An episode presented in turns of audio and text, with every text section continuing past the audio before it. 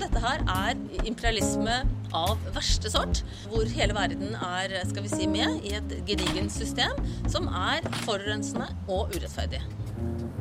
Du hører på Radio Novas samfunns- og aktualitetsmagasin, Opplysningen. Eh, Runa, på onsdag så var det en eh, litt eh, En ganske sånn dekket uh, uh, rettssak som satte i gang i Oslo tingrett. Har du fått med deg noe om dette? Så vidt. Det er vel han uh, Så vidt. Det er vel han Åh, hva heter han igjen? Hulsker? Ja. Ja. Ja, helt riktig.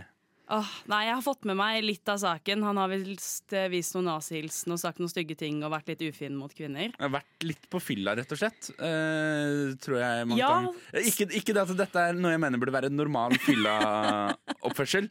Eh, men det er jo Han har rett og slett vært på fylla. Driti seg litt ut. Eh, vår reporter Carl Biel han har sett litt på Bernt Hulskers første dag i retten.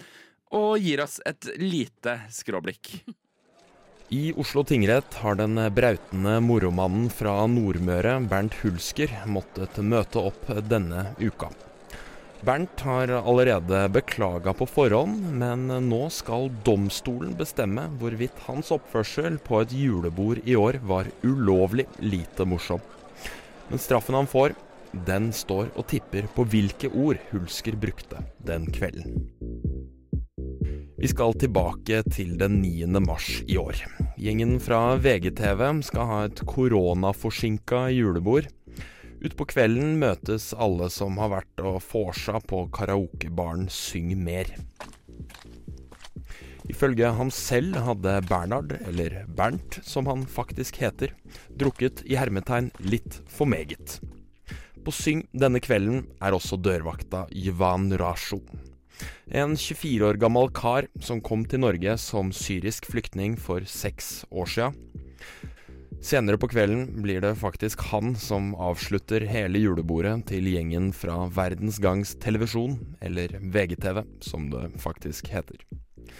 Yvan fortalte i våres om hans opplevelser den kvelden i et intervju med TV 2. Han fortalte at etter at julebordgjengen har vært på syng i en time, kommer Hulsker ut av et av rommene. Han skal ha vist en nazihilsen, ble henvist ut av lokalet. På utsiden utviste han uønsket seksuell atferd mot flere kvinnelige gjester. Og så skal Hulsker ha kalt Jevan for N-ordet. Før han spurte hvordan han kunne be en hvit mann som ham om å gå ut. Hulsker har mista jobben, innrømma det meste og lagt seg så flat som han selv mener det er mulig å legge seg for det som skjedde. Han er tiltalt for hensynsløs atferd og hatefulle ytringer. Politiadvokaten i saken la ned påstand om at Hulsker dømmes til 24 dagers betinga fengsel med prøvetid på to år, i tillegg til en bot på 15 000 kroner men Hulsker selv er ikke enig i tiltalen om hatefulle ytringer. Grunnen er at han selv ikke kan huske om han sa det der om hvit mann. Og advokaten hans mener at han burde frifinnes. Så detaljene i hva som ble sagt, når det ble sagt og hvordan det ble sagt, det er dermed stridens kjerne her. For spurte egentlig Bernt Javan hvordan han kunne be en hvit mann som ham om å gå ut? Vitnene i saken er ikke helt samstemte. Noen mener Hulsker ikke sa dette med hvit mann til noen, men at han sa det på en mer generell basis. Noen mener han sa N-ordet om seg selv, og selv sier Hulsker at nazihilsen var en del av en parodi og en sketsj han har fremført i hermetegn uendelig mange ganger. Det er da også opp til Oslo tingrett å bedømme om det her var ulovlig eller ikke.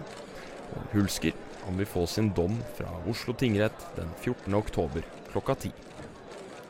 Reporter i saken, det var eh, Carl Biel. Straks her på Opplysningen skal vi til Nobelinstituttet. Men før det musikk fra Siven Steinklev. Dette er hilsen vi som skulle bli noe.